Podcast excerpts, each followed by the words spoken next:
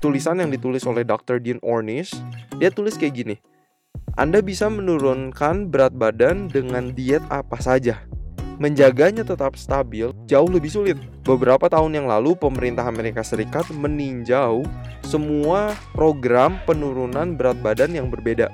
Mereka menemukan bahwa dalam satu tahun, 66% orang memperoleh kembali semua berat badan yang mereka hilangkan. Dan 97% memperolehnya kembali dalam lima tahun. Dr. Dean Ornish menulis satu buku yang judulnya Eat More, Way Less. Kita bisa makan lebih banyak dan berat badan kita itu terus berkurang. Kita itu bisa makannya banyak secara volume tapi kalorinya rendah.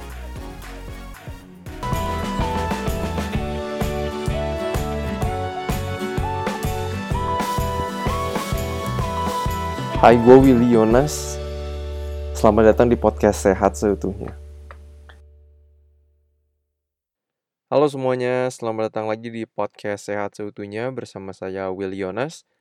Sekarang kita akan ngelanjutin weight loss part 2, penurunan berat badan partnya yang kedua. Nah sebelum kita dive in nih seperti yang saya sudah janjikan bahwa di part 2 ini kita akan melihat ya berapa banyak sih solusi diet pola makan yang disarankan di luaran sana dan mereka selalu bilang kalau pola makan mereka itu yang terbaik untuk penurunan berat badan. Apakah ini benar? Ya, saya waktu itu sempat mention juga kemarin ada ketogenic diet, ada plant based diet, ada Weight Watchers, ada South Beach diet, ada macam-macam banget. Itu cuma empat yang saya mention tapi di luaran situ banyak banget tapi kita bakal bahas hari ini mana sih menurut penelitian pola makan yang terbaik untuk penurunan berat badan. Sebelum kita dive in ke sana, saya mau mention juga ada fakta-fakta penelitian yang terakhir-terakhir ini cukup menarik perhatian banyak peneliti. Ini penelitiannya soal apa? Soal hubungan antara bakteri usus dan juga kelebihan berat badan dan obesitas. Kok lucu ya?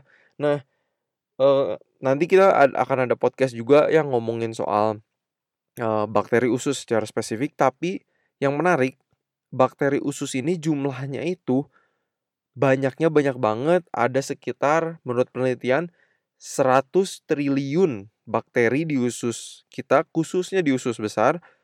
Jumlah mereka itu 10 kali dari jumlah sel tubuh manusia 150 kali jumlah gen manusia dan kira-kira ada sekitar 1000 spesies mereka. Nah, apa nih hubungannya antara bakteri usus dan juga kelebihan berat badan? Jadi, ini tuh bermula di awal tahun 2000. Di tahun 2004 ada penelitian kayak gini. Tikus dikasih makan makanan yang tinggi lemak dan tinggi gula. Lalu mereka lihat, oh berat badan si tikus ini naik. Tapi kok lucunya komposisi dari bakteri usus mereka itu ada yang berubah. Kalau nama technical termsnya bakteri Firmicutes itu naik, bakteri Bacteroidetes itu berkurang. Jadi Firmicutes ini bakteri yang bisa dibilang itu yang nggak terlalu sehat. Bacteroidetes, ditis ya Bacteroidetes itu menurun. Sedangkan itu bakteri yang disebutnya uh, bakteri yang sehat. Nah, ya sebenarnya di situ banyak banget ya macam-macam uh, bakteri-bakteri di usus kita, klasifikasinya juga banyak banget. Jadi ini juga masih uh, penelitian yang terus masih berjalan sampai hari ini juga. Tapi ada penelitian lain yang bikin lebih menarik lagi. Ini dipublikasikan di tahun 2013, tapi penelitiannya tuh kayak gini ada satu uh, pasangan yang kembar. Pasangan kembar ini, tapi yang menarik satu kurus, satu gemuk. Oke, mereka kembar, yang satu kurus, yang satu gemuk. Nah, bakteri mereka itu di dikasihin ke tikus. Jadi tikusnya ini tikus-tikus yang udah dikosongin bakterinya, udah gitu mereka dikasih bakteri manusia. Jadi satu tikus dikasih bakteri dari orang yang kurus, Udah gitu tikusnya satu lagi dapat bakteri dari kembaran yang satu lagi tapi yang gemuk. Nah, tikusnya itu dikasih makanan yang sama, kalorinya sama, nutrisi-nutrisinya sama. Tapi yang menarik, tikus yang kurus yang dapat bakteri usus dari orang yang kurus udah makan tetap kurus. Tapi tikus yang dapat bakteri dari orang yang gemuk padahal makanannya sama sama tikus yang kurus tapi jadinya gemuk. Nah, setelah melihat ini para peneliti makin melihat kok bentar, makanannya sama, yang beda itu cuman komposisi bakteri ususnya. Kok hasilnya berbeda? Jadi di sinilah mereka mulai melihat kok ternyata kayaknya ini ada nih hubungan antara bakteri usus dan juga kelebihan berat badan atau obesitas. Dan ini yang menarik yang mereka lihat sejauh ini di penelitian lain lagi, ini dipublikasikan 2017. Mereka melihat korelasinya atau hubungannya antara bakteri usus dan obesitas ini adalah ketika bakteri usus kita itu nggak terlalu diverse atau nggak terlalu bermacam-macam. Nah ini penyebabnya juga bisa macam-macam. Salah satunya bisa dari makanan juga ya. Itu yang bakal kita bahas juga. Jadi ini cuman uh, opening lagi di weight loss part 2 ini kalau ada hubungan antara bakteri usus dan juga kelebihan berat badan. Menarik sekali ini masih banyak juga pertanyaan-pertanyaan yang belum terjawab. Jadi penelitian-penelitiannya juga masih undergoing dan waktu itu saya pas di Amerika Serikat uh, di Physicians Committee for Responsible Medicine dengan Dr. Neil Barnard dan juga Dr. Hana Kaliova, kita juga meneliti soal ini. Ya, orang-orang yang ikut penelitian kita mengenai weight loss sama kita juga dicek si bakteri-bakteri ususnya. Gimana caranya? Ya mereka harus kasih sampel dari ketika mereka buang air besar gitu kan sampelnya harus dikirim ke kita udah gitu kita kirim ke lab dan nanti hasil analisanya itu keluar jadi so far apa yang para peneliti tahu itu adalah ketika um, kita jarang makan serat atau mungkin pakai antibiotik dan yang lain-lainnya kan itu ter terganggu ya maksudnya komposisi bakteri usus kita itu terganggu nah Sedangkan kalau usus-usus yang sehat, mereka makaninnya serat, mereka itu membuat dinding-dinding usus besar kita itu erat banget. Jadi racun-racun, bakteri-bakteri yang atau endotoksin namanya, itu jadi nggak bisa masuk ke dalam darah kita. Nah, di orang-orang obesitas ini yang mereka lihat. Ketika dinding-dinding usus besar mereka itu nggak terlalu rapat, nggak terlalu kuat, udah gitu ada endotoksin yang masuk ke peredaran darah mereka, inilah salah satu yang bisa juga memicu obesitas. Ini yang mereka tahu sejauh ini kita masih nggak terlalu jelas ke mana ini akan apa ya membawa kita ke mana gitu ya. Cuman ini so far yang kita tahu. Jadi cukup menarik. Oke sekarang kita mau dive ini. Gimana makannya atau apa yang harus kita makan supaya kita ini bisa turun berat badan emang solusinya kalau misalnya kita mau turun berat badan, ya jangan makan gitu kan. Tapi kan itu kan gak sustainable gitu. Masa kita mau turun berat badan iya betul, tapi nggak makan kan gak mungkin gitu. Tapi gimana caranya supaya kita makan tetap makan karena tubuh kita terus butuh energi untuk beraktivitas dan lain-lainnya, tapi bisa juga turun berat badan. Seperti yang saya mention, cara turun berat badan itu banyak banget banyak banget yang dimarketingin di luar sana. Tapi sebenarnya yang menjadi masalah utamanya adalah menjaga penurunan berat badan itu tetap stabil. Jadi ini sesuatu um, tulisan yang ditulis oleh Dr. Dean Ornish di Amerika Serikat peneliti soal uh, lifestyle dan plant based juga dia tulis kayak gini anda bisa menurunkan berat badan dengan diet apa saja.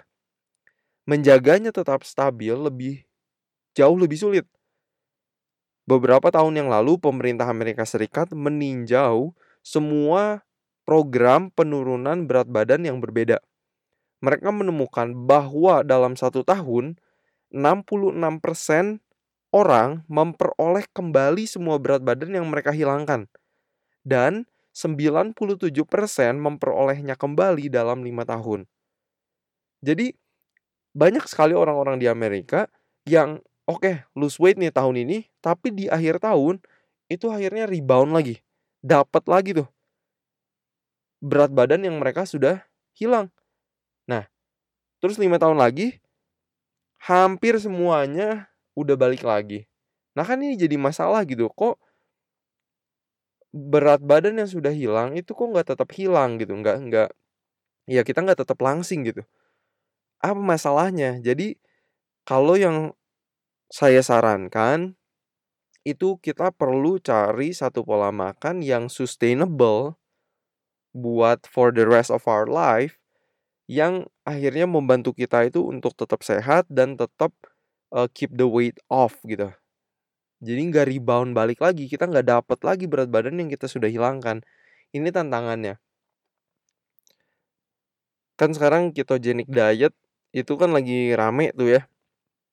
Itu bener nggak sih maksudnya cara yang baik dan sehat supaya kita itu bisa turun berat badan? Ketogenic diet itu apa? Ketogenic diet itu pola makan yang menyarankan mayoritas yang kita makan itu daging, ya. Jadi dari protein, dari lemak yang di daging, udah gitu eh, sayuran kan masih boleh juga dimakan, tapi buah, karbohidrat itu benar-benar di restrict, nggak dihindari banget gitu. Jadi benar-benar kayak pola makannya itu mayoritasnya itu daging. Nah, filosofi mereka itu adalah eat fat to lose fat. Ketogenic diet ini sebenarnya banyak banget versinya ya. Berapa persen lemaknya ya.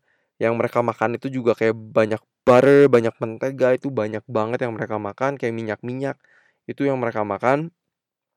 Tapi ada kayak variasi lainnya juga yang disebut Atkins diet yaitu ditemukannya oleh Dr. Atkins sendiri.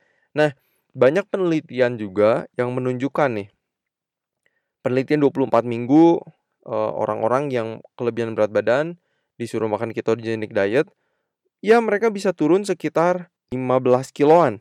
Jadi dari 102,5 rata-ratanya bisa turun sampai 87,5 kilogram.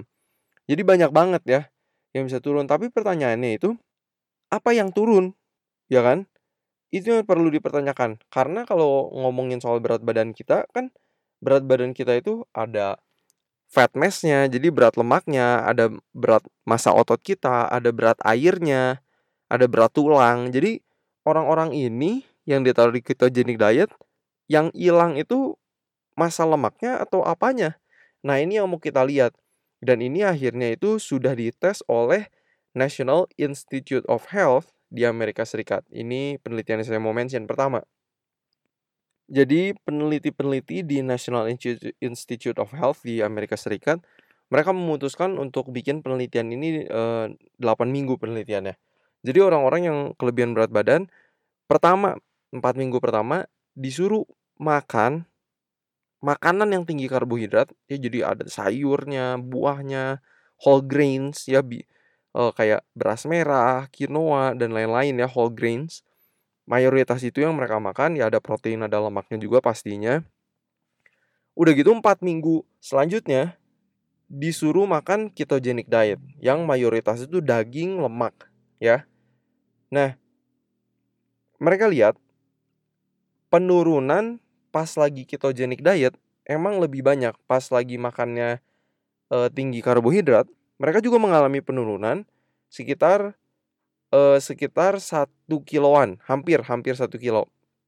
Tapi udah gitu ketika mereka makan ketogenic diet, mereka bisa turun sampai hampir 2 kilo, ya. Nah, tapi pertanyaannya, emang betul kalau secara kilogram, kalau kita nimbangnya pakai timbangan biasa, kok kayaknya yang makan makanan tinggi karbohidrat itu uh, lebih kurang gitu, berkurang dalam hal kilogramnya. Tapi kalau lihat ketogenic diet kok turun kiloannya lebih banyak. Tapi ketika mereka menggunakan timbangan yang berbeda jadi mereka tubuhnya di-scan, mereka benar-benar pengen lihat gitu kan. Ini tuh yang berkurang itu yang mana? Apakah masa lemaknya atau apanya? Dan mereka melihat justru orang-orang yang ketika mereka makan makanan tinggi karbohidrat untuk weight loss, mereka itu masa lemaknya bener-bener masa lemaknya yang hilang, sedangkan ketika mereka makan ketogenic diet, justru pengurangan masa lemaknya itu melambat. Tapi kan mereka turun 2 kilo gitu kan, apa yang hilang? Konklusi dari penelitian itu, kemungkinan besar ya orang-orang yang di ketogenic diet ini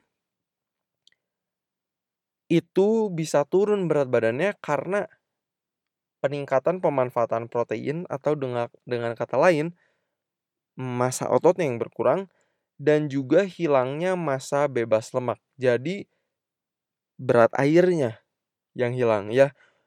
Hilangnya massa bebas lemak ini berarti beban yang hilang itu bukan lemaknya tapi yang lainnya dan itu bisa beban air. Jadi ini cukup menarik banget. Ketika udah dites di National Institute of Health, ketogenic diet ini justru melambatkan uh, pengurangan massa lemaknya tapi justru pemanfaatan proteinnya atau massa ototnya dan juga massa airnya yang kemungkinan itu turun. Jadi buat teman-teman kalau misalnya oh ya kita turun berat badan gitu ya dengan ketogenic diet, pertanyakan sekali lagi gitu. Yang turun apanya? Apakah si lemaknya atau yang lainnya? Dan penelitian yang lainnya banyak sekali menunjukkan juga efek samping dari ketogenic diet ini banyak banget kekurangan nutrisi karena mereka juga melimit kayak whole grains yang makanan yang bagus banget um, udah gitu sayur buahnya juga dilimit udah gitu karena mereka kurang serat karena mereka makannya daging-daging terus mereka sembelit susah buang air besar. Udah gitu mereka juga bisa mengalami yang namanya keto flu mual kelelahan sakit kepala nyeri otot. Udah gitu fungsi arteri mereka pun bisa keganggu ya kan? Kebayang deh kalau misalnya makannya minyak-minyak daging-daging semua kayak gitu itu benar-benar merusak arteri banget dan udah gitu LDL kolesterol juga bisa meningkat, performa atletik juga bisa terganggu. E, karena kan kalau kita olahraga kan justru energi yang kita butuhkan banyak kan karbohidrat gitu. Sedangkan orang-orang yang makan ketogenic diet karbohidratnya di, dilarang banget. Jadi performa atletik juga bisa terganggu dan juga yang terakhir nih halitosis, bau mulut karena mereka daging itu menginap di perut kita jauh lebih lama juga terus karena proses um, ketosisnya terus jadi ada uh, itu bisa menyebabkan bau mulut. Jadi ketogenic diet sangat tidak disarankan. Banyak sekali side effectnya mungkin akan menuruni uh, menurunkan berat badan. Tapi sekali lagi pertanyaannya apanya yang turun? Dan Dr. Atkin sendiri yang menyarankan ketogenic diet atau Atkins diet ya cukup mirip. Dia pun meninggal karena serangan jantung. Jadi cukup menarik seseorang yang menyarankan pola makan Atkins diet ini mayoritas yang mereka makan daging meninggalnya karena serangan jantung. Anyway, itu tentang ketogenic diet. Sekarang kita mau dive in nih. Pola makan apa yang paling baik untuk turun berat badan? Kadang kalau misalnya kita ngomong uh, penurunan berat badan juga orang tuh sering kali pemikirannya makanannya didikit-dikitin. Udah gitu harus kelaparan, menderita. Saya mau sharing satu pola makan yang membuat kita kenyang tapi kalorinya rendah, nggak usah kelaparan tapi kita bisa turun berat badan. Itu namanya whole food plant-based diet. Dr. Dean Ornish menulis satu buku yang judulnya Eat More, Way Less. Kita bisa makan lebih banyak dan berat badan kita itu terus berkurang.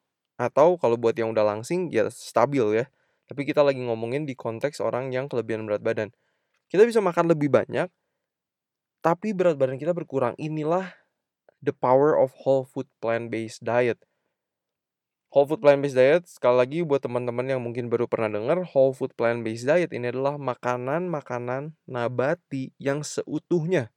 Ya, jadi makanan kita itu 100% nabati, ya ada kayak fruits, vegetable, grains, legumes. Jadi buah-buahan, sayur-sayuran, uh, grains ya, sumber-sumber karbohidrat itu kayak nasi kalau buat kita mayoritas buat orang Indonesia.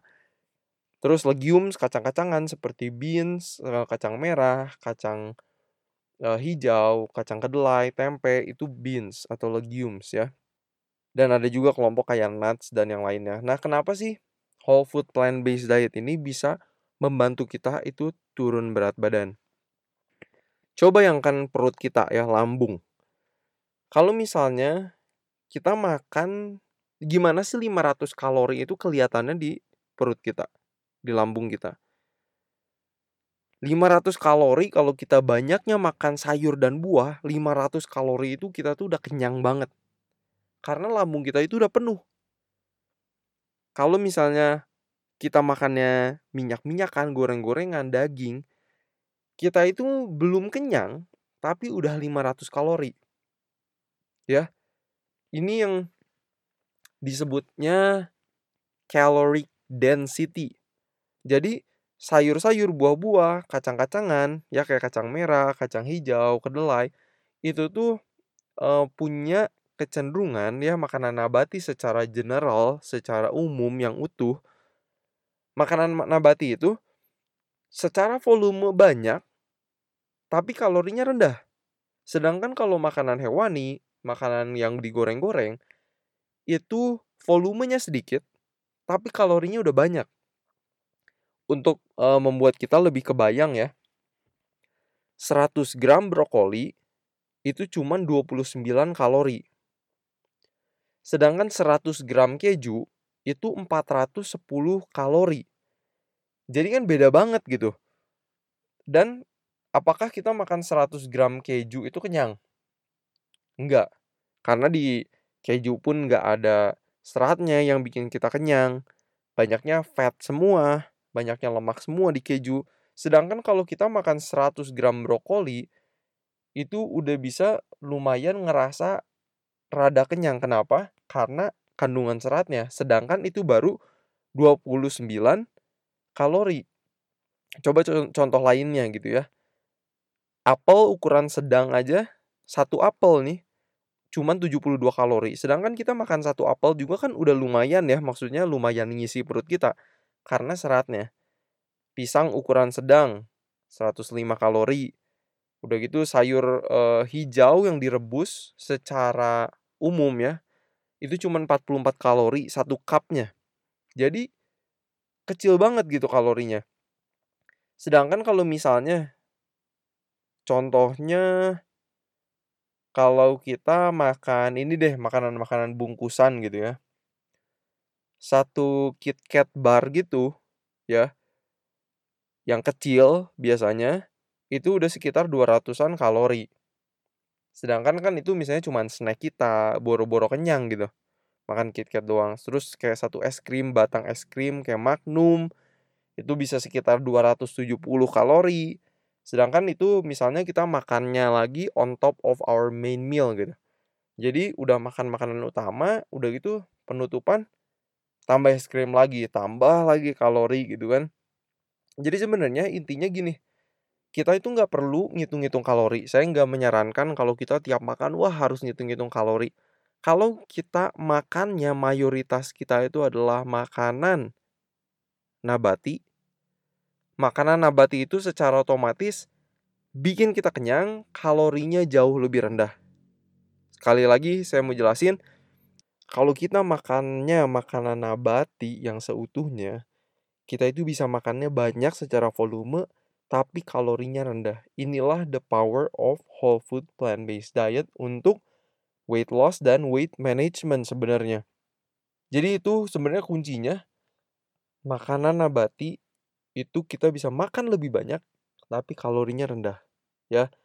Tapi ingat itu bukan berarti cuma makan sayur buah aja. Ingat harus ada sumber karbohidratnya, sumber protein dari nabati juga harus ada kayak kedelai, tempe, kacang hijau, uh, kacang merah itu harus ada banget gitu. Kalau enggak kita nanti kurang nutrisi.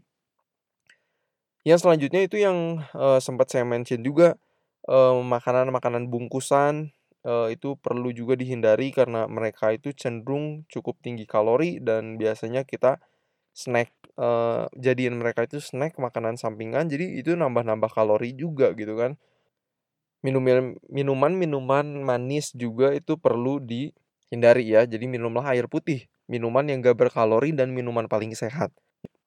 Oh iya buat buat biar kebayang aja nih, satu bungkus, eee, Indomie ya, itu ada sekitar 300 kalori. Tapi kalau misalnya yang Indomie jumbo itu sekitar 600 kalori. Jadi buat temen-temen, eee, dapat bayangan juga kalau kayak misalnya Indomie kita makan, eee, Indomie jumbo terus pakai nasi, pakai biasanya suka pada pakai telur juga dan lain-lain, itu kalorinya bisa banyak gitu. Apalagi terus makannya itu udah malam-malam, nanti itu bakal kita bahas juga, eee, di weight loss, eee, part 3. Apakah ada perbedaannya kalau kita makannya deket jam tidur, itu bakal jadi pembahasan lainnya juga. Nah, kalau ngomongin weight loss terus, eee, porsi makanannya itu harus gimana? Sebenarnya kalau kita ngomongin, eee, whole food plant based diet, kayak tadi yang saya bilang, kita bisa makan banyak tapi kalorinya rendah, tapi aturan yang biar gampang bisa kita ikutin itu setengah dari piring kita, itu harusnya sayur sama buah. Dan itu juga yang di-endorse oleh Kementerian Kesehatan di Indonesia, buat orang-orang yang obesitas, setengah dari piringnya itu harus sayur dan buah, karena itu bener-bener akan bikin kita kenyang, kalorinya rendah, jadi kita makan makanan yang lainnya yang tidak menyehatkan itu kemungkinannya lebih rendah gitu. Jadi itu panduannya kalau secara piring, itu bagus banget untuk diikutin. Sejauh ini yang udah kita omongin itu, pertama, makan whole food plant based diet. Mayoritas yang kita makan itu perlu makanan-makanan nabati yang seutuhnya, karena itu makanan yang lebih rendah kalori tapi bikin kita kenyang dan kita bisa makannya banyak. Jadi nggak usah kelaparan. Yang kedua, itu hati-hati dengan makanan-makanan bungkusan, ya kayak es krim, kayak kue-kuean, cookies, itu banyak banget kalorinya juga. Jadi, kalau emang kalian pengen turun berat badan dan menjaga berat badan kalian tetap stabil kalau saya sarankan hati-hati banget sama makanan bungkusan. Ya, nggak kerasa makanan bungkusan itu bikin kita ketagihan karena itu tinggi salt, oil, and sugar-nya, SOS-nya. Itu bikin kita ketagihan, kalorinya tinggi, dan itu juga bisa bikin kita gain weight. Nah, yang terakhir yang perlu kita hati-hati itu minyak. Kenapa? Soalnya 1 gram lemak adalah 9 kalori, ya. Sedangkan 1 gram karbohidrat, 1 gram protein itu 4 kalori. Jadi minyak ini kenapa harus hati-hati, contohnya ya biar kita kebayang, rata-rata dari minyak apa pun, 1 sendok makan minyak itu sekitar 120 kalori. Jadi bisa dibayangkan kalau misalnya kita masak pakai banyak minyak, itu bisa nambah banyak kalori juga. Apalagi kalau digoreng. Coba ya bayangkan, kentang goreng di McD, ini datanya kentang goreng McD, yang ukurannya medium, itu 370 kalori, ya. Sedangkan kalau kita makan kentang asli, 100 gram kentang asli, itu cuma 62 kalori gitu. Kalau kita makan kentang aslinya, misalnya kentangnya direbus, kentangnya dimasak jadi apa gitu ya, itu kalorinya bakal jauh lebih rendah dibandingkan ketika kentang itu jadi kentang goreng. Jadi hati-hati banget sama makanan-makanan yang goreng-goreng, kayak ya di itulah ya tantangannya di Indonesia, makanan yang digoreng itu banyak banget. Saya kalau saya bandingkan, kebiasaan menggoreng di Amerika itu jauh-jauh lebih rendah dibandingkan di Indonesia. Kalau di Indonesia kan dari cireng, bala-bala, mendoan, pokoknya macem-macem itu digoreng semua gitu, sampai lumpia goreng juga dan lain-lain. Jadi makanan yang digoreng itu kalorinya tinggi banget, ya. Itu bener-bener harus dihindarin, terus hati-hati juga sama penggunaan margarin. Apalagi kalau misalnya kayak makan martabak gitu ya, margarinnya udah banyak banget, udah gitu ada kejunya, ada susunya, ada seresnya, ada wah, ngeri banget ngeri banget. Itu makanan yang sangat-sangat tinggi kalori, udah gitu keluarnya malam-malam lagi, ya kan. Jadi udah udah tinggi kalori, makannya malam-malam, itu bisa naikin berat badan banget. Jadi buat teman-teman sekali lagi hati-hati sama penggunaan minyak. Kalau saya sendiri kalau di rumah kalau saya masak pakai minyak itu dikit banget. Saya nggak ngegoreng nggak ngegoreng-goreng kalau di rumah saya juga takut ngegoreng karena dulu pas SMA pas lagi kelas masak punya pengalaman buruk dengan menggoreng uh, pempek dan meledak. Saya jadi nggak mau ngegoreng. Anyway, tapi alasan utamanya karena buat kesehatan juga. Jadi saya nggak ngegoreng-ngegoreng di rumah. Jadi sebenarnya itu teman-teman yang saya mau share hari ini kalau pola makan whole food plant based diet makan makanan nabati yang seutuhnya mayoritas yang kita makan itu bakal nolong kita untuk weight loss. Bikin kita kenyang kalorinya rendah makannya bisa banyak gak usah kelaparan. Enak gak sih? Kadang kan kalau orang mau diet gitu kan kayak wah makanannya didikit-dikitin kelaparan gitu kan jadi itu dan kalau ngelihat salah satu penelitian terbesar di dunia, Adventist Health Study 2, mereka juga ngelihat orang-orang yang makannya whole food plant based diet atau vegan itu berat badannya paling normal. Sedangkan yang lain orang-orang yang masih vegetarian, yang pesco vegetarian, yang semi vegetarian, yang non vegetarian itu semua kelebihan berat badan gitu. Dan penelitian saya bersama waktu di Amerika Serikat dengan Physicians Committee for Responsible Medicine, mereka melihat orang-orang yang orang-orang yang kelebihan berat badan udah gitu 16 minggu ikut uh, makan whole food plant based diet rata-ratanya berkurang sekitar 5,9 kg ya ingat sekali lagi teman-teman penurunan berat badan yang sehat itu sekitar setengah sampai 1 kg per minggu ya. Jadi saya mau encourage teman-teman perbanyak sayur buahnya. Mayoritas yang kita makan makanan-makanan nabati, hindari juga daging-daging. Ya itu juga lemaknya banyak. Hati-hati sama gorengan-gorengan itu lemaknya juga tinggi banget, kalorinya tinggi. Makanan-makanan bungkusan. Jadi sebenarnya intinya coba makan makanan yang senatural mungkin gitu ya. Itu kuncinya. Dan minggu depan di episode selanjutnya kita akan bahas kapan waktu makan yang terbaik. Apakah pagi siang malam itu makanannya kalorinya perlu sama atau kayak gimana? Gimana menurut penelitian? Apakah makan kalori yang sama di pagi-pagi dan malam hari itu efeknya beda? Itu juga yang bakal kita lihat. Nanti kita juga minggu depan bakal bahas juga soal intermittent fasting ya, soal puasa, bagaimana kita bisa puasa setiap harinya dan ini juga akan membantu kita untuk mengontrol berat badan. Itu dari saya minggu ini, semoga semua menjadi berkat. Kalau misalnya teman-teman ada yang mau tanya-tanya pertanyaan nutrisi, boleh kontak kami di Instagram kami @setuhnya atau juga di Instagram saya @willionas. Dan harapan saya seperti biasa, semoga kita semakin sehat seutuhnya.